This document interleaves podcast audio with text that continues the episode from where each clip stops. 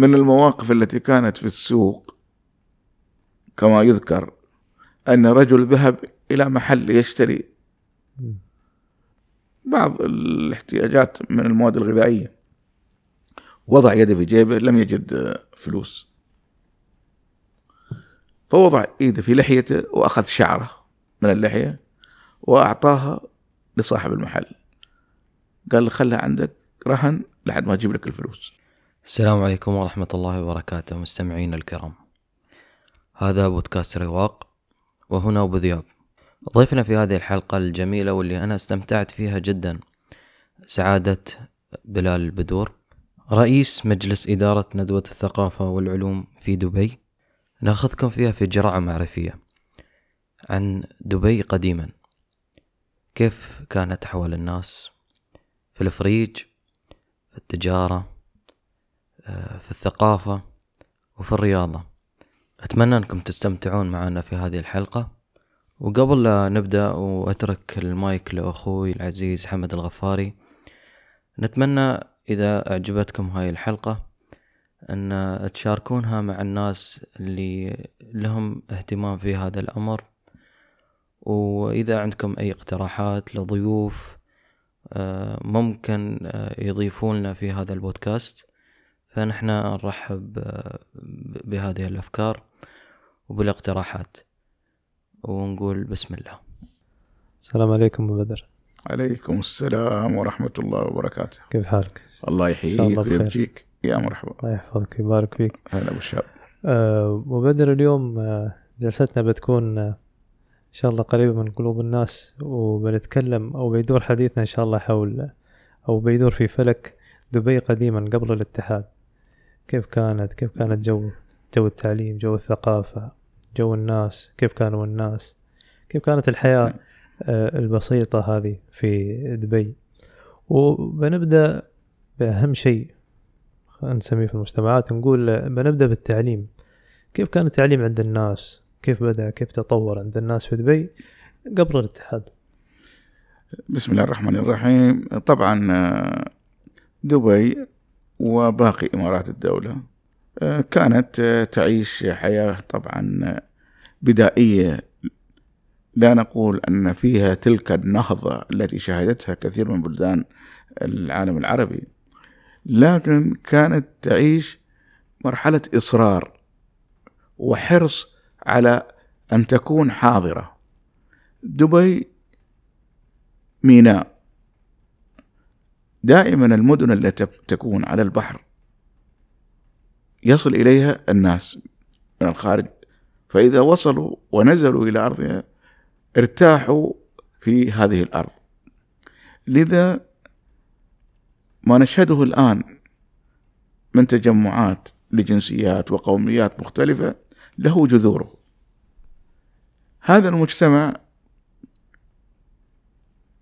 لم يكن ذلك المجتمع الذي فيه تلك المدارس الحديثة ولكن كان فيه مدارس تقدم مقدارا من التعليم الذي تحتاجه المنطقة وتحتاجه المدينة في تلك المرحلة ماذا كانوا يحتاجون؟ يحتاجون تعلم القرآن الكريم للصلاة والعبادات يحتاجون إلى تعلم شيئا من القراءة والكتابة يتعلمون شيئا من الحساب لأن هناك معاملات تجارية سواء في مجال الغوص أو في مجال التعامل فإذا يحتاجون إلى مسك الدفاتر. هذا التعليم البسيط كان يق- يقوم بتقديمه بعض ال- الذين تعلموا وترقوا على يد العلماء الذين كانوا موجودين وعلى يد أولئك الذين جاءوا من الخارج قبل نشأة المدارس أنا أتحدث قبل نشأة المدارس آه. ولكن كان هناك كما هو معروف في العالم العربي تعليم الكتاتيب الذي كنا نطلق عليه تعليم المطوع أو المطوعة صحيح. هذا التعليم هو الذي كان يقدم احتياجات المجتمع من علوم الدين ومن علوم القراءة والكتابة لكن شهدت دبي في عام 1912 إنشاء المدرسة الأحمدية التي بناها المحسن أحمد بن دلمون. ولم يكمل بناها لأنه توفي فأكمل البناء ابنه محمد بن أحمد بن دلمون. هذه الشخصية المحسنة أرست لوجود مدرسة شبه نظامية. لا أقول نظامية.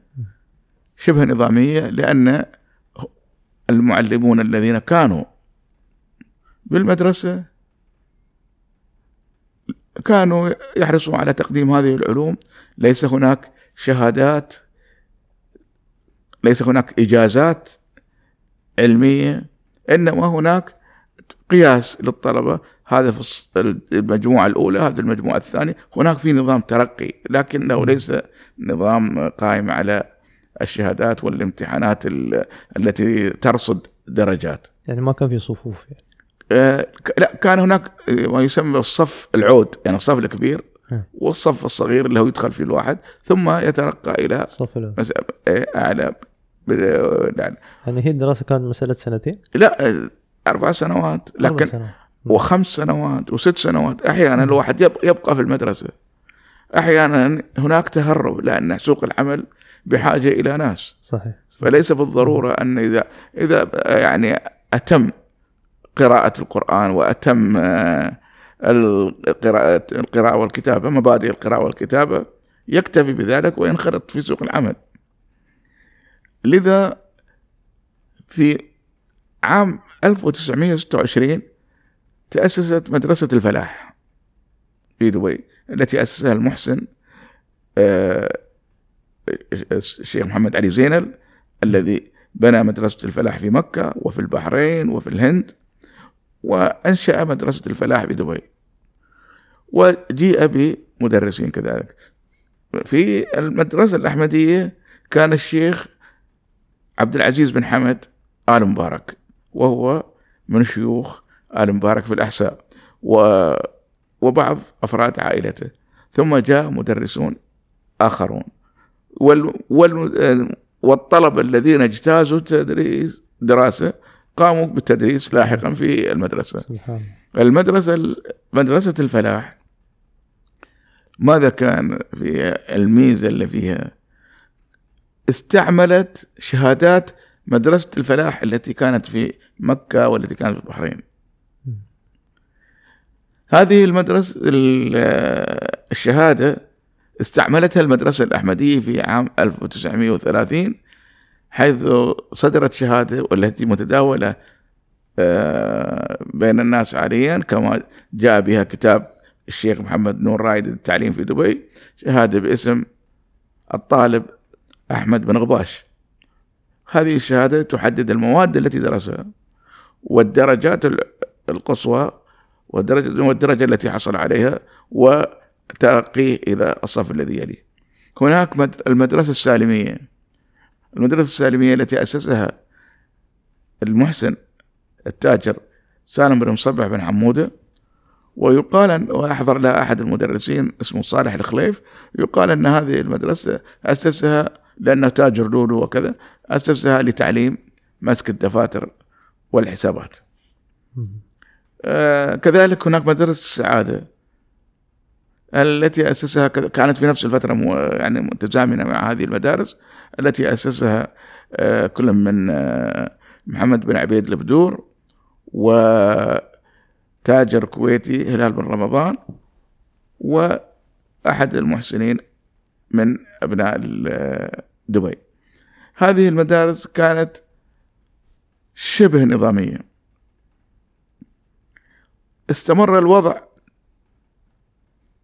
في التدريج يزداد لأن جاءوا يعني مدرسون من الخارج درسوا مثلا اللي درس في الأزهر والذي درس في العراق والذي درس فهؤلاء نقلوا فكرتهم عن التعليم والتطوير وادخلوه على المناهج الدراسية. حتى سنة 56 حيث دخل التعليم الحديث. لما دخل التعليم الحديث نقل التعليم من نظام شبه نظامي الذي تطور وصل إلى مستوى أن هناك فصول وأن هناك آه، كراسي وأن هناك نقل لما جاءت المدرسة الحديثه بالتعليم الحديث كان استقر الوضع على أن نظام التعليم هو نظام المدرسة المعروفة ادخلت مواد اللغة الإنجليزية مواد اللغة العلوم الاجتماعية وتطور التعليم. ثم كان هناك تفريع آه، إعداد معلمين آه، هناك آه، مدرسة تجارية. هناك مدرسة زراعية وكان هناك المعهد الديني. فيعني الطالب أمام خيارات من بد من المرحلة من الأول ثانوي أين يتجه إلى الزراعي أم التجاري أم الصناعي؟ مدارس تخصصية يعني. تخصصية. آه. آه لم أذكر المدارس الخاصة. وهذه المدارس الخاصة أن يقوم أحد المعلمين بيفتتح فصل دراسي. يدخل فيه مادة اللغة الإنجليزية يدخل في بعض المواد. هذه غير المدارس المعروفة. مثل مدرسة حسن ميرزا. هذه تقريبا معظم تجار دبي درسوا فيها اللغة الإنجليزية ودرسوا فيها كذا لأن شبه مدرسة حديثة. في أي سنة تقريبا؟ هذه كلها في مرحلة بداية نهاية الأربعينات تقريبا كذلك هناك مدرسة لتعليم اللغة الإنجليزية وشيء من القراءة والكتابة ل آه، جمع المسقطي أحد العمانيين جاء وفتح فصل للتدريس. هناك عبد الله كان مشهور به عبد الله الفلسطيني هو عبد الله فارس. وهذا كذلك عمل فصل دراسي الناس تدرس عنده. ثم جاء بعض أبناء الجالية الهندية وفتحوا كذلك آه، فصول. كان هناك مثلا مدرس اسمه نعمة الله شكر الله كذلك عنده مدرسة صغيرة الناس تدرس عنده. كان في الشارقة ثم انتقل إلى دبي. هذه المدارس الصغيرة هذه أسست للتعليم الحديث. فلما دخل التعليم الحديث وهنا يعود الفضل لدولة الكويت. لأن دولة الكويت قامت بدعم المدارس في دبي وفي الإمارات الشمالية كلها باستثناء أبو ظبي.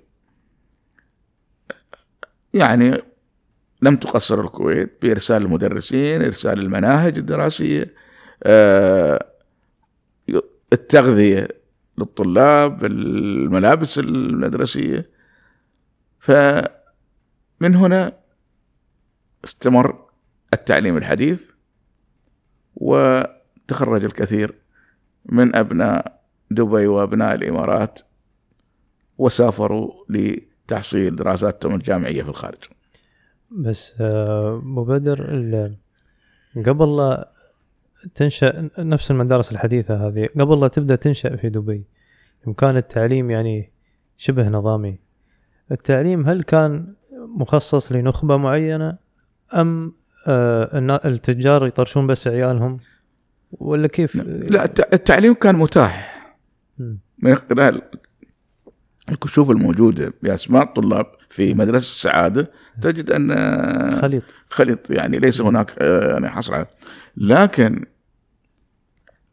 ضيق الحياة وحاجة الناس لإرسال أولادهم للعمل سواء كان في الغوص عندما كان الغوص. ثم في الأسفار ثم في صيد السمك ثم يعني في الأعمال التي تدر عائد على الأسرة. جعل كثير من اللي هم غير ميسوري الحال أن يكتفوا بقدر قليل من التعليم. نعم. لكن لم يكن هناك مثلا تصنيف أن ابن التاجر يدخل ابن الشيخ يدخل أو كذا. ابن التاجر وابن الشيخ وابن الله في نفس الفصل يعني. نفس الفصل. نعم. سبحان الله. نربط موضوع بموضوع التعليم اللي هو أمر الحركة الثقافية. كيف كانت الحركة الحركة الثقافية عند الناس اللي هي بعيدة عن المدارس؟ يعني ال ال ال الاجتهادات الشخصية المكتبات الشخصية المثقفين. كيف كانت يعني في الثلاثينيات الأربعينيات إلى الستينيات كيف كانت الحركة الثقافية في دبي؟ طبعا لما نتحدث عن الحركة الثقافية آه، لا نعني الثقافة التخصصية إنما الثقافة العامة. المجتمع كان يعيش حالة من الركود كان يعيش حالة آه، ليس لديه آه، المتسع لممارسة الثقافة. لكن رغم ذلك كانوا حريصين على الثقافة حريصين على اقتناء الكتاب أينما وجد. أحيانا آه، يوصون من هم مسافر إلى الخارج ليحضر لهم الكتب. بعض التجار الذين يذهبون إلى البصرة أو يذهبون كذا يحضرون بعض الكتب معهم أو من الهند أو من إلى ذلك.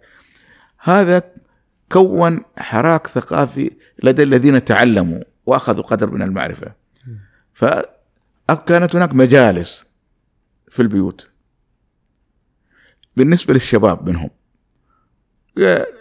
يتناقشون حول قضايا ثقافية ويتبادلون الأشعار وما ذلك من صنوف المعرفة المتاحة حتى أن كبار السن كانوا يجتمعون في مجالسهم المعتادة ويحضرون من يقرأ لهم بعض الكتب كتب السير أو كتب التاريخ لأنه لا يستطيعون أن يقرأون فيستمعون إلى من يقرأ. نقدر نقول صالون ثقافي يعني؟ صالون ثقافي. آه، هناك يعني مجموعة صالونات آه، عرفت في دبي. بس شو أول صالون ثقافي في دبي؟ آه، قد يكون النادي الأهلي الأدبي. لو الحين نادي النصر. الذي هو الآن تحول لنادي النصر. هذا كان نادي الأهلي الأدبي عبارة عن نادي ثقافي يجتمع فيه آه، المهتمين بالثقافة تأتيهم الصحف والمجلات تأتيهم الكتب والكل يأتي ويقرأ في هذا النادي. ثم بدأوا في آه، النشاط الرياضي ثم تحول إلى نادي النصر الثقافي الرياضي ثم أصبح الآن النادي الرياضي. نعم. يعني هذا المناخ خلق روح ثقافية. لهذا عندما قامت بلدية دبي والتي كانت تمثل وزارة الحكم المحلي في تلك الفترة بإصدار مجلة أخبار دبي. في الستينات. مجلة أخبار دبي كانت نافذة للمثقفين لأن هناك أكثر من كاتب يكتب ويستكتبون من الخارج ويقومون بالترجمات بالإضافة إلى أبناء الإمارات الذين بدأوا يمارسون الكتابة من خلال مجلة أخبار دبي. فكتب الكثيرون ممن هم الآن رواد الحركة الثقافية كتبوا في مجلة أخبار دبي في البداية. واستمرت مجلة أخبار دبي فترة طويلة حتى بعد الاتحاد إلى سنة 80 عندما ألغيت وتم إصدار جريدة البيان بدلا منها. بس ابو بدر منو كانوا اللي يحركون الثقافة دائما يعني عندهم مكتبات خاصة؟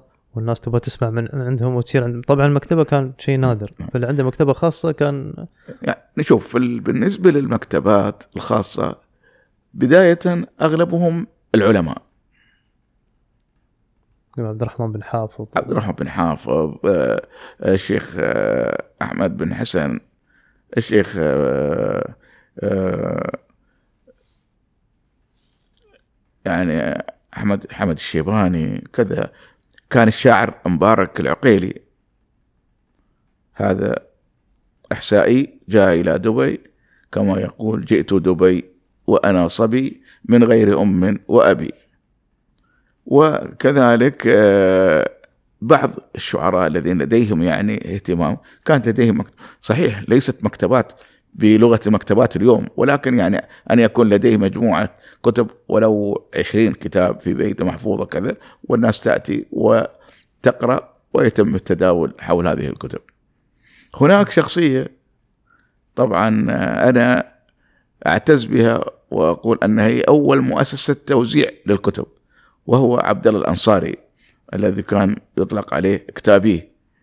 هذا كان يقوم بحمل الكتب على قطعة خشب لوح آه، يضعها على كت... آه، بجانب كتفه ويسير بها بين المؤسسات إلى البلدية إلى المحاكم إلى دائرة الأراضي. بعض هذه المؤسسات في الصباح يعرض عليهم والديهم الكتب إذا كانوا يريدون يشترون هذه الكتب وفي المساء يفترش الأرض آه، في الصبخة و ويبيع لمن يريد أن يشتري الكتب.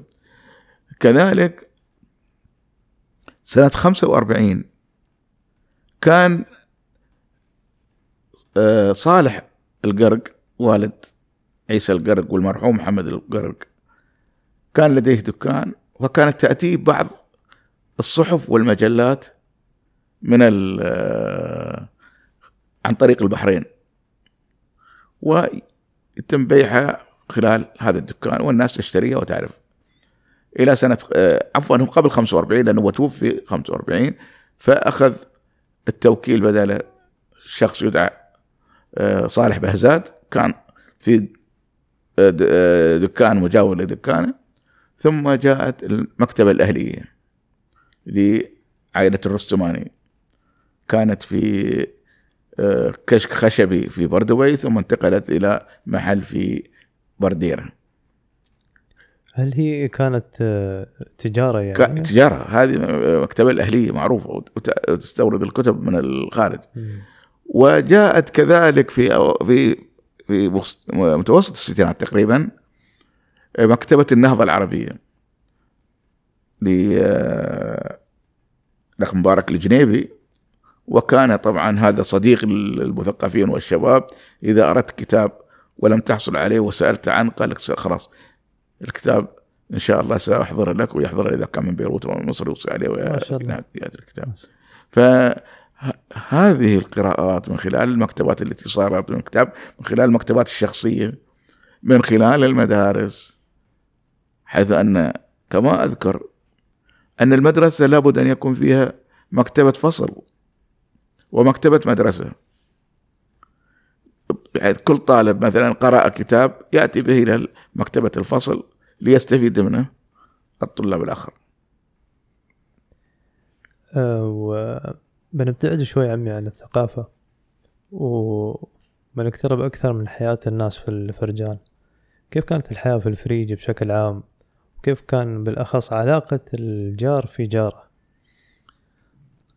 يعني عندما نتحدث عن علاقة أبناء الفريج وخلينا نترجمها أبناء الحي الواحد كانت علاقة حميمة.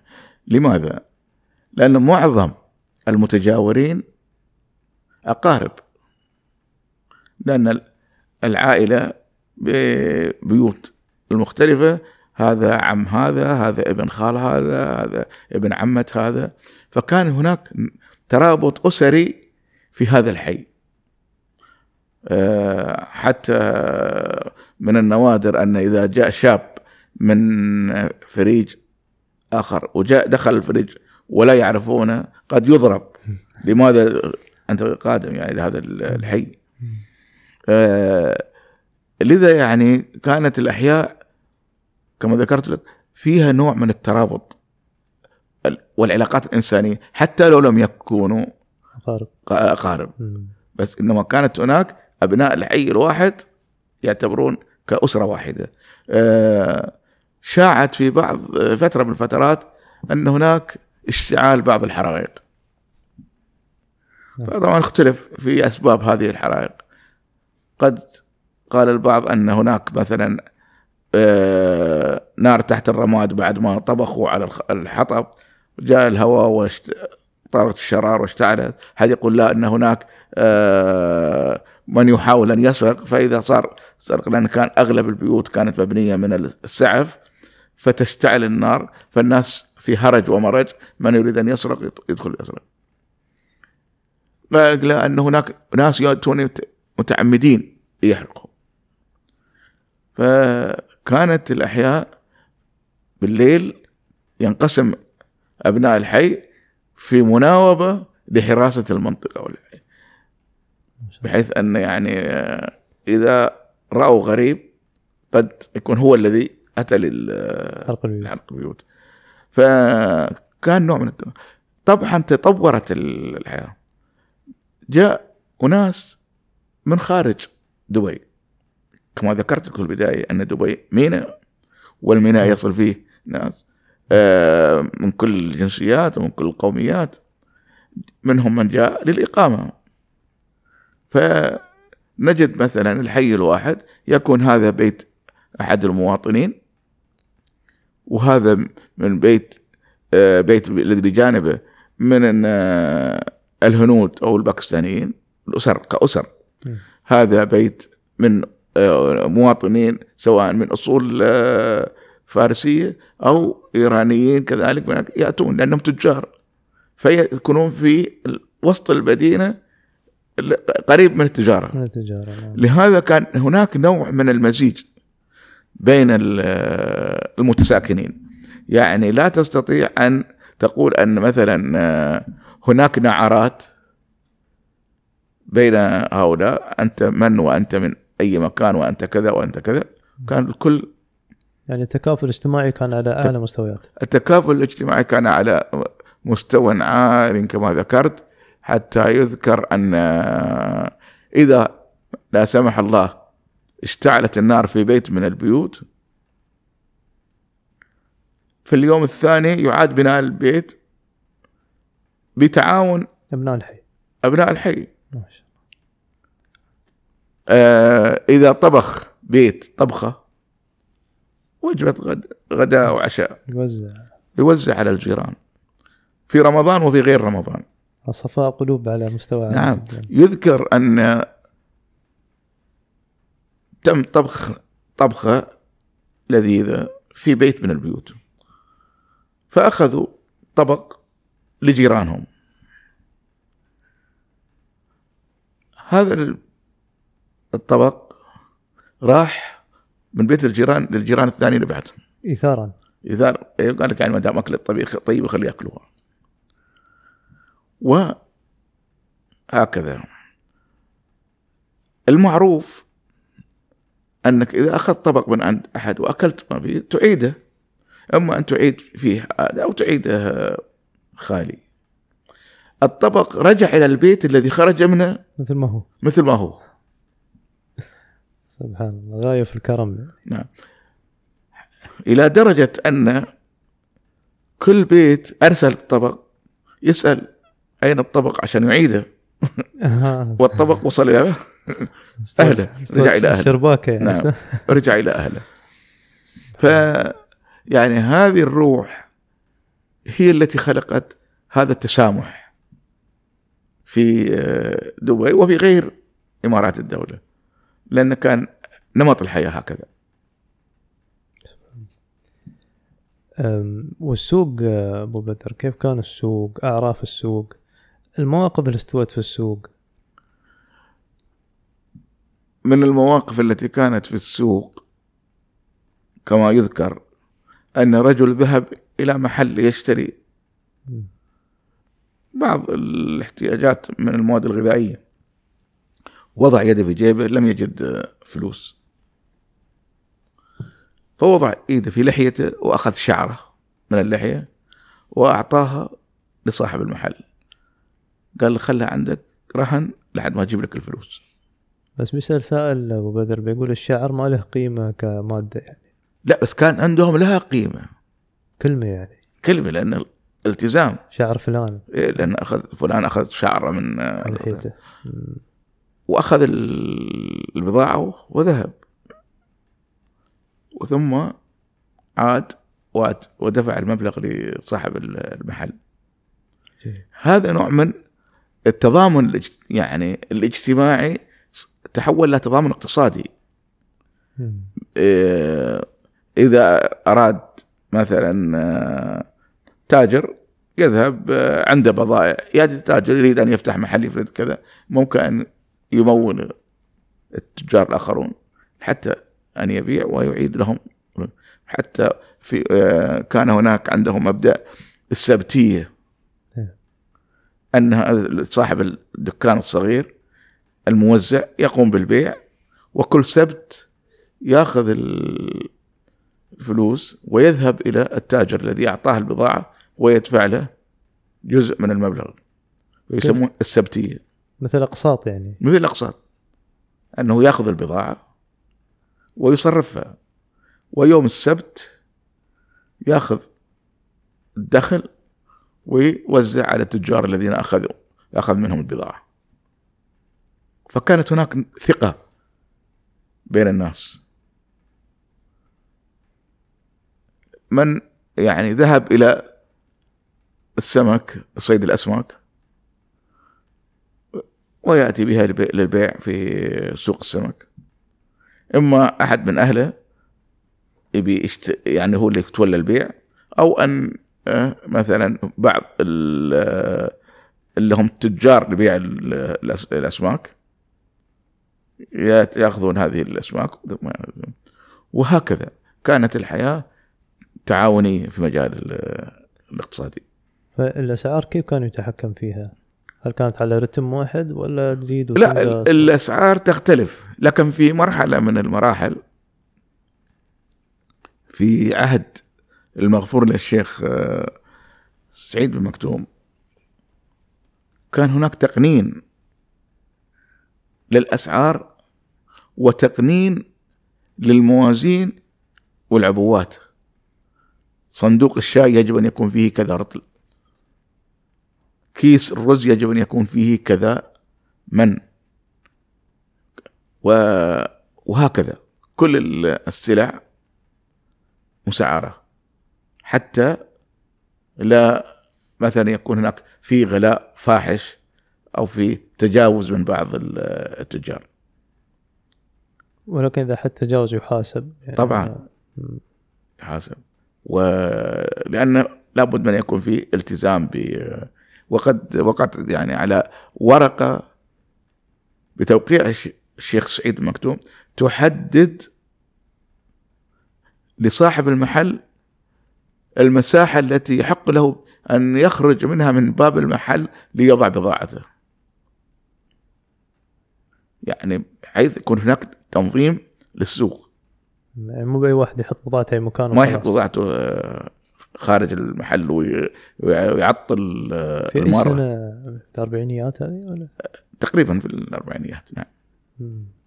والتجار اليوم من من آه، الهند مثلا أو من من بلاد فارس كيف كانوا كيف كان وضعهم في السوق؟ هل كانوا متآلفين مع أهل البلد أو في تنافس تجاري؟ شديد؟ أولا في حوالي 1903 أثناء حكم الشيخ مكتوم بن حشر لدبي كان هناك خبر أن المواني الإيرانية أجرت على شركة بلجيكية وهذه الشركة قامت بفرض ضرائب ورسوم عالية على التجار تذمر التجار فلما وصل الخبر إلى دبي أرسل وفد من ثلاثة أشخاص إلى التجار في لنجة وفي بستك وعوض وهذه المدن الساحلية في الساحل الفارسي. وقال لهم إذا كانت لديكم الرغبة لأن تأتوا إلى دبي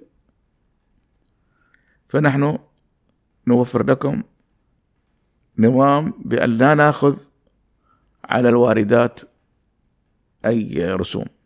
وإذا قمتم بتصدير شيء فتؤخذ النسبة ما يعادل واحد في المية فشيء خفيف عليهم يعني نعم. تجاريا نعم. ولما جاء تجار بستك منحهم الأرض التي بجانب الديوان والتي الآن تسمى الفهيدي وكانت فيما قبل تسمى البستكية منحهم هذه الأرض للسكنة والانتفاع بها ثم عندما جاء الشيخ راشد أعطاهم آه، تمليك لهذه البيوت كذلك قام الوجيه المر بن حريز بإنشاء أول مركز تجاري بناية محلات تجارية تحت وفوق غرف لسكن التجار الذين يريدون أن يكونوا فكان التجار حتى الذين يأتون من الإمارات الأخرى لهم مكاتب في هذه النهاية. وين كان البرج هذا؟ في بر دبي كانت. الآن في نفس المكان الذي فيه البنك البريطاني. نفس المكان. نعم. وتم بناء بعض المحلات. فأصبح التجار المواطنين والتجار القادمين على حد سواء يتعاملون بدون تنافس بدون فهذا خلق مناخ في نمو التجارة. يقال أن البواخر التي كانت تصل إلى مواني لنجو وما جاورها من بلدان العالم مختلفة قادمة من البضائع ثم تحول من إلى منطقة الخليج. تحولت هذه البواخر كلها وجاءت إلى دبي. وجاء التجار من هناك وجاءوا وأقاموا هنا في دبي. عشان آه، انخفاض الرسوم. الظروف اللي كانت عندهم هناك. فجاءوا ومن هنا بدأ تصدير البضائع إلى الدول. الأخرى. فنقدر نقول هذه كانت آه، نواة تأسيس التجارة في دبي طبعا. عالميا. نعم.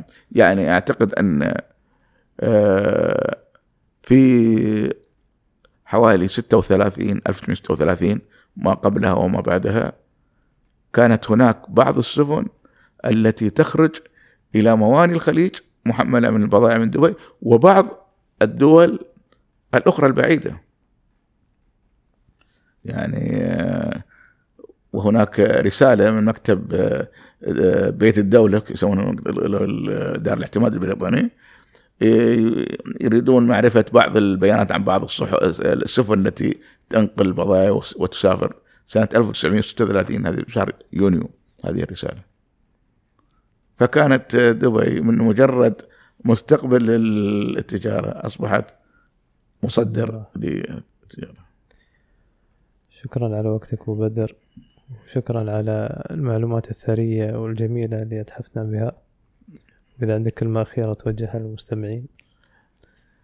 أه ليس هناك كلمة أخيرة الكلام لا ينتهي. ولكن يعني أه هناك الكثير من كتب عن التاريخ.